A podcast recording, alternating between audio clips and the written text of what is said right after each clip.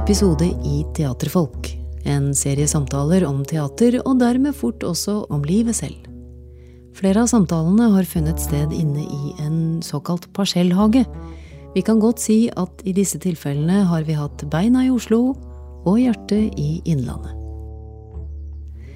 En oktoberettermiddag falt lav sol inn over første nestleder i familie- og kulturkomiteen, Arbeiderpartirepresentant for Hedmark, Anette Trettebergstuen. Hamarsing med 15 års ansiennitet i politikken, og kanskje den politikeren som går mest i teater. Din siste gode scenekunstopplevelse, kan du komme på det?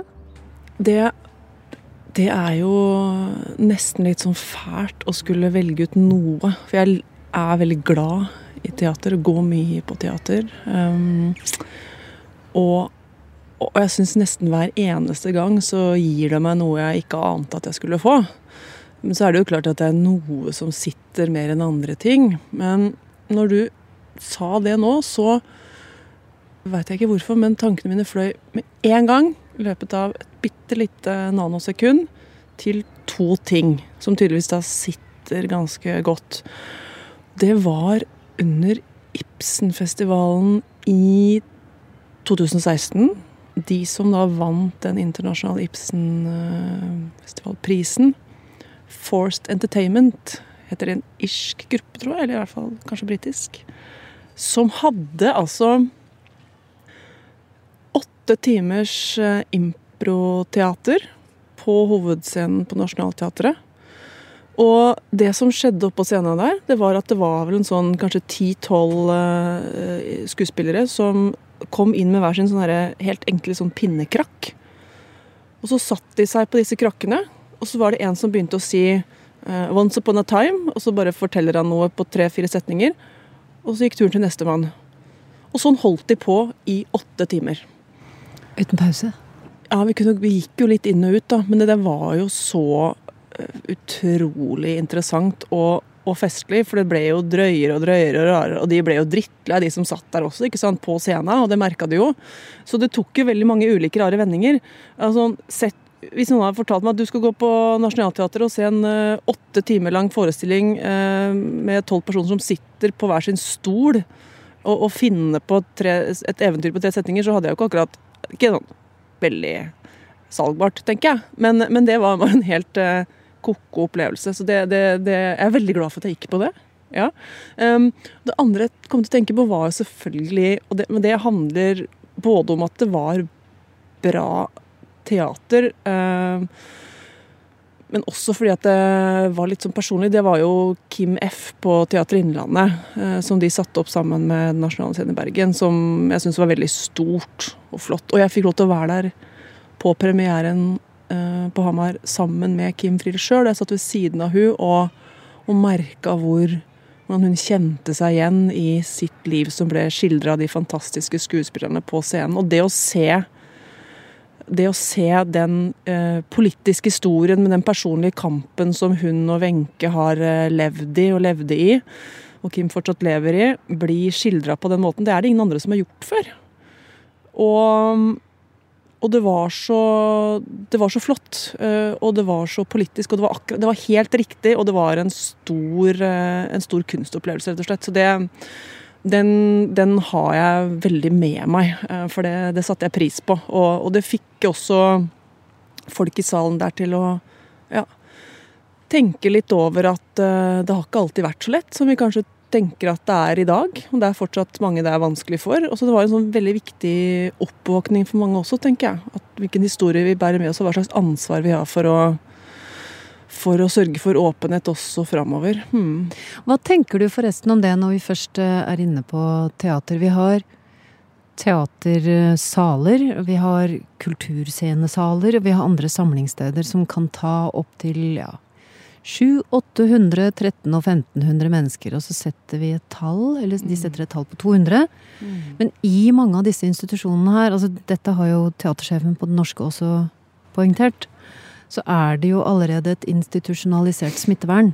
Mm. Men det er det ikke på dagligvarebutikken, på Ikea eller overalt heller. Så hvorfor skal grensene gå akkurat der? Nei, jeg er jo um altså, jeg har jo respekt for at man må, man må begrense altså folkeansamling gjennom den tida her. Det er, det er, viktig, og vi skal lytte til fagrådene og alt det her. Men jeg også har problemer med å forstå hvorfor, hvorfor det kan være holdt på å si, en eh, ja, eh, det er en full hovedscene på Nationaltheatret i kø på Ikea hver eneste lørdag, eh, mens man ikke kan fylle de salene. Eh, det, det syns jeg er rart, og det syns jeg er dumt. For jeg tror at for de som eh, Altså, teaterne er så opptatt av og ivrer så etter å få, få publikum tilbake og, og, få liv og røre og kunst på, på scenen, og hadde mestra det her helt, helt ypperlig. Det er jeg helt sikker på. Og at den grensa skal settes der, det, det, forstår ikke jeg heller. Jeg er helt sikker på at, kunne, at, vi kunne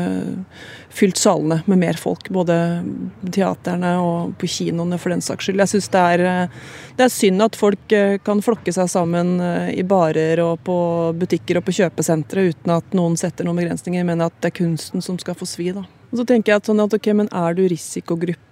Så du må handle mat, men du trenger ikke gå på teater. Så altså, tenker, altså, det er noe med at ja, jeg tror det kanskje hadde gått fint, da.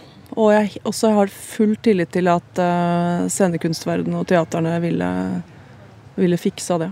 Det som er synd med det, selvfølgelig, er jo at um, færre får de gode opplevelsene som vi kanskje mer enn noen gang trenger nå, etter en så trang vinter. Men også at økonomien i det for institusjonene ikke sant, blir jo dårlig, og de har Ja. Den var skrapa fra før. Så det er jo ganske alvorlig. Ja, og så sier de jo også at vi må kanskje leve med det her en stund. Man snakker 2022, ikke sant. Og da tenker jeg at vi må bare begynne å se på muligheter for å kunne gjøre ting litt annerledes og kanskje kunne samle flere i sånne settinger, men samtidig ha nødvendig smittevern, da. Jeg tror nok vi må det, altså.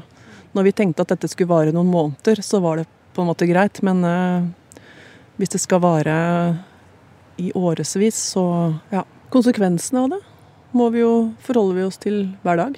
Mm. Munnbind på bussen, færre seter på kinoen. Ja. Lukta dårlig sprit. Ja, det lukter jo gammel fyll overalt. Eller i hvert fall sånn, sånn hjemmebrent fyll som jeg vant fra det da jeg var vokst opp på Hedmarken. da. Jeg vet ikke om dere Svakt minne av at jeg lå i en hekk. Jo, vi gjorde nok det. Ja, Det er noen minner. Eh, det er noen stygge minner der. Selv om hjemmebrent var noe som vi nok hadde fått hamra inn at det ligger unna. Det får du til over øret. Ja, Det men, eh, fikk ikke vi heller, men vi gjorde det likevel. Men var det der med Blue Nun og sånn, da? Ja, Blue Sangria og, sånn og drit. Kir. Kir. jeg husker eh, da jeg flytta inn i kollektiv i Oslo den første høsten, så vi hadde jo ikke penger, men vi hadde, fikk jo en eller annen magisk årsak uh, råd til vin og øl. Det gjorde vi. Men jeg husker jeg satt et sånt og et morgenen etter på, på terrassen så sto det et halvfullt glass med Blue Nun, og så det var nesten stivna sirup, altså. Med masse bier og fluer, og tenkte jeg dette her er ikke bra. Nei, men, jeg, men, det er, men, det er, eh, apropos eh, Ikke dårlig vin, selvfølgelig, men apropos vin eh, og teater, det er jo noe av det diggeste som fins. Og jeg er så glad for at de nå kan gå på teatret og, og se noe greier og ta et glass vin. Det er lykken i livet, altså. Fy søren. Og så tenker jeg sånn, ja, det, det har jeg savna så innmari at jeg Ja. Jeg vet ikke hvor jeg skal begynne. Hvorfor teater? Hvorfor er teater så viktig? Altså, det, det, altså teater er jo hvorfor er det viktig? Det sier jo ikke det seg sjøl. Nei, altså det er jo det, du, du, får jo presentert Det er jo skildring av eh, fortid og, og, og samtid, og det er en drømmeverdener og ja, Det er mye mer dynamisk og interessant enn film ofte, syns jeg. Jeg er veldig glad i film òg, men, men, teater er noe eget, da. Det å um, Ja, jeg vet ikke. Det er en egen magi over det, altså. Og så er det kanskje noe med det at ofte så er det i litt sånn flotte flotte rom, da. I hvert fall i de gamle teaterne. Så er det det er, litt, det er litt mer stas å gå på teater enn på kino. Ja, det er det. Burde det vært rimeligere å gå i teater? Ja, det burde jo det. Eh, det er jo en altfor uh, høy terskel for mange. Mange har ikke råd til å gå i teater, og det er jo Det, det koster mye penger. Og um, tenk hvor mye det ville kosta dersom teaterne ikke fikk støtte av staten. Det, da, da hadde det blitt dyrt. Um, men jeg liker veldig godt eh, det at eh, en del av teaterne både på eget initiativ eh, lager rabattordninger for, for barn og unge og, um, og, andre ting. Og det må jo også være, en, være viktig for oss politikere som bevilger de pengene over kulturbudsjettet også, å tenke på at hvis vi vil bygge ned Det er store klasseskiller innenfor kunst- og kulturbruk. Større enn folk tror. Det er veldig mange som uh, overhodet ikke har noen referanser til verken teater eller uh, andre ting, fordi at det, det, er for dyrt. Og det er, er veldig, veldig synd, fordi at En ting er at selvfølgelig alle har godt av og unner alle den opplevelsen å få, den, få, en forsmak på, på, alle typer kunst, da, så må du jo velge sjøl hva du går videre og digger og, og, og, og, bruker tida di på når du blir voksen. Men jeg tror det er viktig å ha den forsmaken. Og så handler det også liksom om ja, det handler om dannelse på mange, måter da ha et felles, uh, felles uh, referanse, rett og slett. Og det vil jeg at alle skal få ta del i. Uh, så, så, så et, jeg, som kulturpolitiker så er jeg veldig opptatt av å bygge ned de tersklene for deltakelse. da. Eh, fordi vi ser at det er, eh, det er store klasseskiller der, dessverre. Mm. En del av um, ja, altså dannelsesprosjekt innenfor demokratiet. Mm. Mm. At alle får muligheten til å ta del. Og så er det noe med at uh, Man skal ikke kimse av hva altså teatret uh, Uansett hva det er, egentlig. Altså, kun, all kunst er jo også ytring. Uh, og det får deg til å, å å tenke tanker du kanskje ikke ville tenkt hvis du ikke fikk med deg akkurat det stykket. Eh, reflektere litt, åpner øynene til folk, da. Og, og det er jo også politisk. Eh, og ja, det er en annen uttrykks, uttrykksform enn en, en, en boka eller filmen eller avisartikkelen. Så det er viktig i så måte også. Mm. Mm. Hvorfor er du så glad i Teater Innlandet? Teater, eller mm. Hamar har jo to teatre. Hamar mm. teater og Teater Innlandet. Og så har de ja. ungdomsteater, og det skjer mye der. Ja, masse. Det, er, det skjer Oi. Der var det en, en rusten sykkel som, sykle, som kjørte forbi. du, nei, altså jeg er um Nei, jeg er jo fra Hamar, da. Og, og det, det, skjer jo masse, masse på, på kultur- og, og kunstscenen i Hamar. Altså det er mer enn folk tror. Men altså, Teater Innlandet er jeg veldig glad i. fordi at husker tilbake til altså, Hedmark og Oppland skulle begynne å samarbeide og lage Teater Innlandet, og ingen trodde på at vi kunne ikke samarbeide om noen ting. Vi bare krangla om alt fra sykehus til veier og okay, altså, det, var to, det var fiender. Ja, Du tenker på da de gikk fra Hedmark teater til Teater ja, Innlandet for ti år siden? Ja, for ti år siden, akkurat mm. nå, ja. Um, men det fikk vi til, uh, og det har blitt så enormt bra. Og altså, jeg føler at jeg har litt sånn eierskap til det teatret. for jeg, jeg jeg ville veldig det. Da var jeg lokalpolitiker. Jeg ville veldig at vi skulle Nei, det var jeg ikke. Jeg var satt på Stortinget. Men jeg, ja, uansett. Du har vært politiker en stund? Ja visst det. Jeg brant virkelig for det der, fordi at eh, jeg så mulighetene for at det kunne bli et enda sterkere og bedre eh, teater som kunne gjøre enda mer. Og sette, og sette Innlandet på, på kunstkartet, da. Og det har de jo virkelig gjort. Det er jo en stor suksess. Og det er jo så mye kule ting som skjer der, så mye bra som settes opp. Og det er det regionteatret som turnerer mest. Og ja, jeg er skikkelig stolt av Teater Innland, da. Ja, jeg må, si det er en sånn Ja, jeg er virkelig glad i, glad i det teatret. Um, det er både de derre um, ting for barnefamilier, det er de um, kjente, kjære tingene som settes opp, som alle kjenner til. Men så er det også helt nye Eh, provoserende, eh, tankevekkende ting. Så, så, det er, de har en veldig veldig god miks, da, som jeg er veldig stolt av. Og så har de fått, endelig fått et flott, eh, flott teaterbygg å være i òg. Mm. Kulturhuset på Hamar. Mm, ja. Og de turnerer jo eh, også på grendehus. Ja. Hva, er, hva, hva betyr et grendehus for deg? Altså, det er jo det som er så flott med regionteatret våre. Som vi snakka om i stad, det med å bygge ned terskler for deltakelse. Det å få ja, det, Min visjon, liksom, mitt sterke ønske, er at alle skal få ha muligheten til å oppleve kunst og kultur av høy kvalitet, uavhengig av hvor du bor og hvor stor lommeboka di er. Og der er jo regionteaterne virkelig, eh, virkelig alfa og omega, ikke sant. Fordi at de Når du ikke kan komme til teatret, så kommer teatret til deg. Så setter de opp da Kim F på Grendehuset et eller annet sted i Odalen. Eh, på den gamle gamle scena inni en gammel gammel gymsal eh, et eller annet sted, eller ja, på, på Grendehuset uten egentlig noen forutsetninger for at man egentlig kan drive teater her. Det får de til. Og så kan folk komme. Og det kommer folk som ellers ikke ville gått på teater. Og det er det er liksom en slags det er, det er min kulturpolitikk. Eh, institusjonalisert, nesten, altså. Det regionteatrene gjør der ved å, ved å turnere rundt på den måten. Eh, og, setter opp fantastiske forestillinger der det egentlig ikke er vilkår for det. Eh, men de vil så innmari, og de gjør det. Så, men grendehus, ja, det er jo Altså Hele Norge er jo fullt av grendehus. Altså det, er, eh, det er mye bygd i landet vårt. Mye flott bygd. Og grendehuset er liksom samlingsstedet i, i lokalsamfunnet. Og der er det der, der har man møter, der står politiske slag, og der uh, slåss man og drikker og blir forelska og Ja, det er livet sjøl, liksom. Uh, og der spilles det teater òg. Og det er uh, Jeg syns det er helt Ja, jeg jeg blir veldig, veldig, glad når jeg ser at, at, det settes opp teater på sånne liksom litt sånn falleferdige grendehus rundt omkring. Mm. Og... Kultur til folket.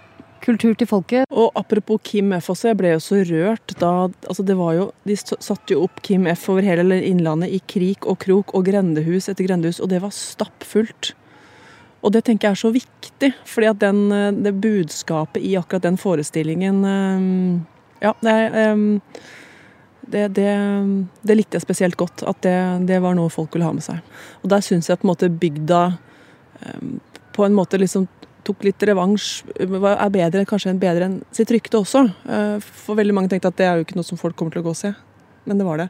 Men jeg også øh, kjenner mange og, og får øh, ja, hjerteskjærende e-post og meldinger av spesielt unge som ja, som, som, føler på det der, og har følt på det der. Og følte at de måtte ut for å kunne være seg sjæl. Um, så, så, det men, men, det er også eh, mer sånt i byen enn vi kanskje tenker over også. At eh, det er nok ikke bare et bygdefenomen, men, eh, men det er i hvert fall sånn at vi ikke må tenke at det der tilhører fortida. Det er viktig det er ikke noe lettere å være 17 år på Tolga nå og sitte og lure på om det er noen andre, eller om eh, er det greit å være sånn, enn det var da jeg vokste opp, faktisk. Kanskje litt verre på mange måter òg. Fordi at det ordskifte, offentlig ordskifte rundt de tinga her er liksom så Det er mye hardere, og ja, du har sosiale medier og Det er så, det er så lett å plukke opp, uh, plukke opp uh, offentlig dritt mot grupper, da. Um, nå med internett og ja, sosiale medier. Og, det går fort. Det går fort. Mm. Mm. Og det er mye der. Men du vokste opp i en familie der du kjente deg akseptert fra stad. Hvordan var det? Nei, jeg, jeg var ikke redd for, uh, redd for noen negative reaksjoner hos familien min, men jeg jeg husker at det gikk opp for meg i russetida da vi satt i en sånn Jeg tror vi skulle sove i en rundkjøring eller et eller annet sånt noe. Tullete. ja, de der. Skulle få en knute av noe slag? Ja, ja, ja. Jentegjengen. Og så ble det snakk om ei på naboskolen som noen hadde hørt at var lesbisk, og da snakka vi om det. Det var jo superinteressant. ikke sant? Og litt sånn wow, fortell. Og da kjente jeg at jeg, liksom, jeg, jeg svelga to ganger, og så da gikk det opp for meg. Men, men det er jo jeg òg. Mm. Og så, etter det, så prøvde jeg å fornekte det, og tenkte at nei, for det vil jeg ikke være. fordi jeg kunne ikke identifisere meg med de der. Fordi jeg, det var altså På Hamar i 2000, da, da jeg var russ Altså, jeg, jeg, visste ikke om noen andre enn Kim Friele og Anne Holt. Jeg også, det var ikke noe Gro Hammerseng og P3-Silje og eh, Bifile Sondre Justa, liksom. Det var, og, og, det er ikke noe gærent med Anne Holt og Kim Friele. Tvert imot, de er jo Ja, jeg ser jo opp til de. Men men som 18-åring så eh, du vil gjerne ha noen å identifisere deg med. Og så snek jeg meg inn på Potta her nede i Oslo. Jeg og en venninne, Ingrid, vi dro Inn på hva? Potta. Gamle Potpurriet. En les, gammel, gammel sagnomsust lesbeklubb som eksisterte i Oslo. Nå er den nedlagt, da. Eh, men eh, den hadde eksistert i 30 år. Og jeg og en venninne, Ingrid, vi tok toget til Oslo, så gikk vi dit. Og det første som møtte oss da, var en sånn, litt sånn muskuløs, svær lesbisk dame med, med sånn hanekam, skinnvest, som kom liksom dansende ut fra toalettet med doringen rundt uh, hodet, eller rundt halsen. Ja. Uh, og så ble vi forsøkt sjekka opp av de der skumle, gamle lesbene ved biljardbordet. Altså, jeg var livredd, ikke sant. Så, så jeg, vil, jeg, vil, jeg, ville ikke være sånn, husker jeg tenkte. Nei, det der var ikke meg. De var for tøffe og, og for, for, for, um, for harde. Så da, så da gikk jeg i mange år og tenkte at nei Veit ikke helt, altså, om det er sånn det er. Um, så, så, jeg slet litt med den der, altså den der egne Kanskje en egen fobi, rett og slett. Eller i hvert fall egne fordommer, da. Ja, som jeg også hadde. Men, eh, men så ble jeg etter hvert traff, ble jeg etter hvert forelska i jenter og, og, og, gjorde noe med det og sånn, og da var det på en måte ingen vei tilbake. Um, men det var litt Ja. Det var nok litt sånn skamprega i begynnelsen der, ja. Det var det. Um, og det tenker jeg også er veldig viktig å si, fordi at jeg kan jo si noe som gjelder helt åpent liv og politiker og, og familien min uh, har ikke hatt en bra med dem. De hadde jo tenkt det lenge, sa de da jeg først sa det. Så tenkte jeg jeg kunne ikke bare sagt det litt før, da. Men, um, men, men, men, men, det er greit også å, å kjenne på alle de tinga der. Og det er jo ikke noe rart. Eh, for det eneste jeg, vi leste med avisa da vi var unge, var at uh, lesbiske hadde psykiske problemer og drakk mer enn andre jenter, og homofile menn fikk hiv. Nå er det jo et mye mer, mye mer åpent Bare på de 20 åra så har det blitt et mye mer åpent uh, samfunn. Jeg merker det sjøl òg. Men, men, men, fortsatt så, så, henger jo sånne ting igjen. Uh, homo er det mest brukte skjellsord i skolen. Ja, så, så, så det, det, er jo ikke noe rart at en i en sårbar fase da kvier seg litt for å skulle være det som du ser blir tråkka på. Det er også greit å, å, si høyt, for jeg tror mange av oss har gått gjennom den fasen. Og så er det lett å si etterpå at jo, men kom igjen, dette, det er en fri, flott verden, bare ta steget ut. Men det er en personlig kamp uh, for alle, på et eller annet vis. Mm. Jeg, altså, jeg merker bare sjøl på de 20 åra siden jeg uh, kom ut av skapet. Sånn teit uttrykk. Akkurat som at ja, man har gjemt seg Ja, uansett, da. Um, eller å stå fram. Altså stå fram ja. Nei, men siden jeg uh, turte å si høyt at jeg nok helst blir forelska i jenter, da, så har, jeg merker at det har skjedd veldig mye. Um, at de som er uh, tenåringer i dag, har et mye mer uh, normalt forhold til den slags Både til kjønn som kan være flytende, men også at seksualitet kan være flytende. At, at de båsene der er kanskje litt i ferd med å viskes ut, og det er jo veldig bra. Men det, det jeg, altså jeg tror at folks, øh, folks forhold til kjærlighet øh, blir mye mer inkluderende øh, etter hvert. Men det jeg nok er stygt redd for at vi nok alltid kommer til å ha, er politikere og, og, og grupper som som, som vil kjempe imot det.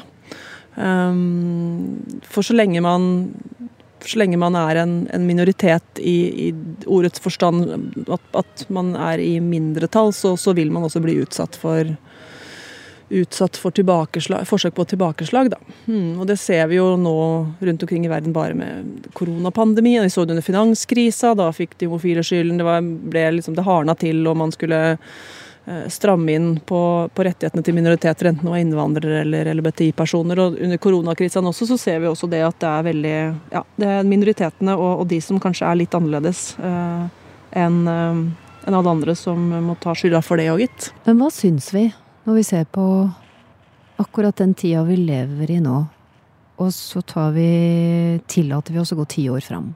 Hvordan tror du vi vil tenke om dette året her?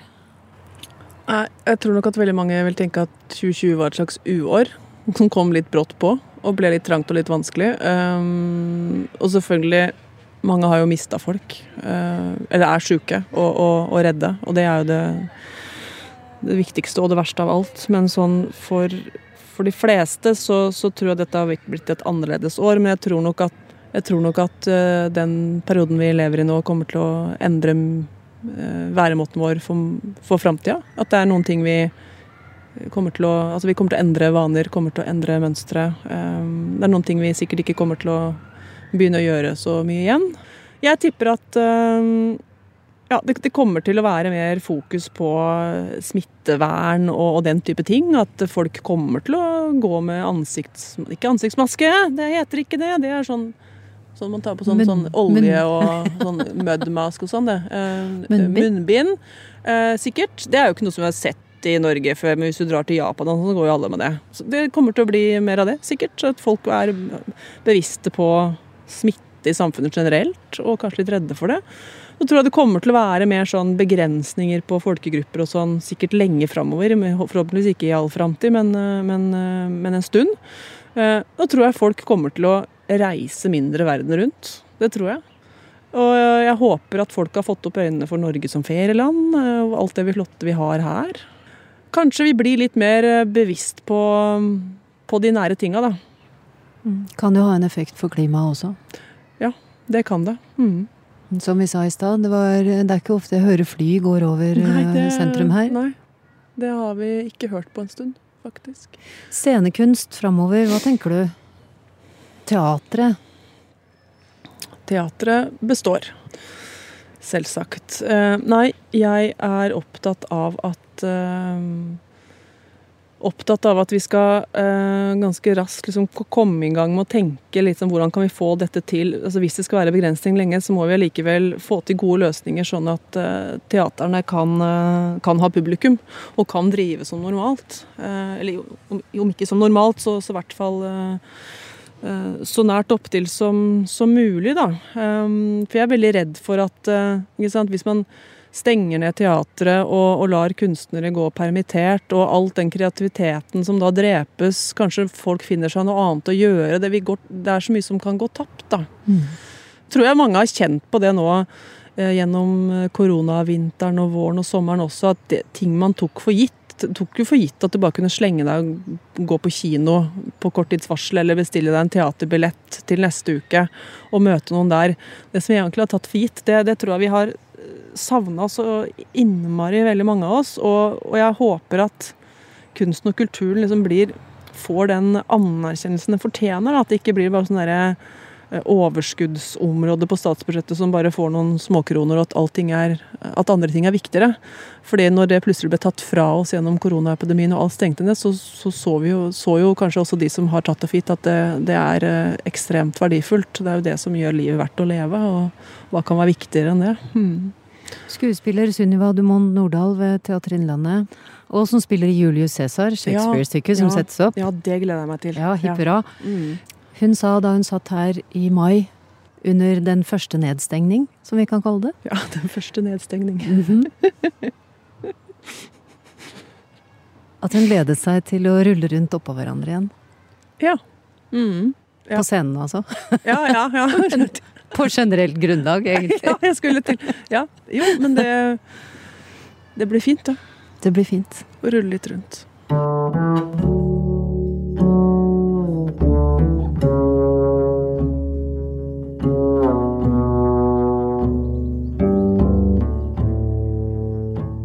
I neste episode av Teaterfolk møter du Angelina Stojewska. Åh, I love that dress. Es ist very sehr dramatisch. Angelina har regien for Teater Innlandets oppsetning av Shakespeares Julius Cæsar, Brutus' tragedie, med premiere allerede 20. november. Jeg orker faktisk ikke å se på to gamle menn som slåss om makt. Altså, den historien er jeg så sabla drittlei av. Teaterfolk lages for Teater Innlandet av meg, Kari Slottsveen. Produsent Unni Moløkken. Musikken er komponert og fremført av Ellen Andrea Mang.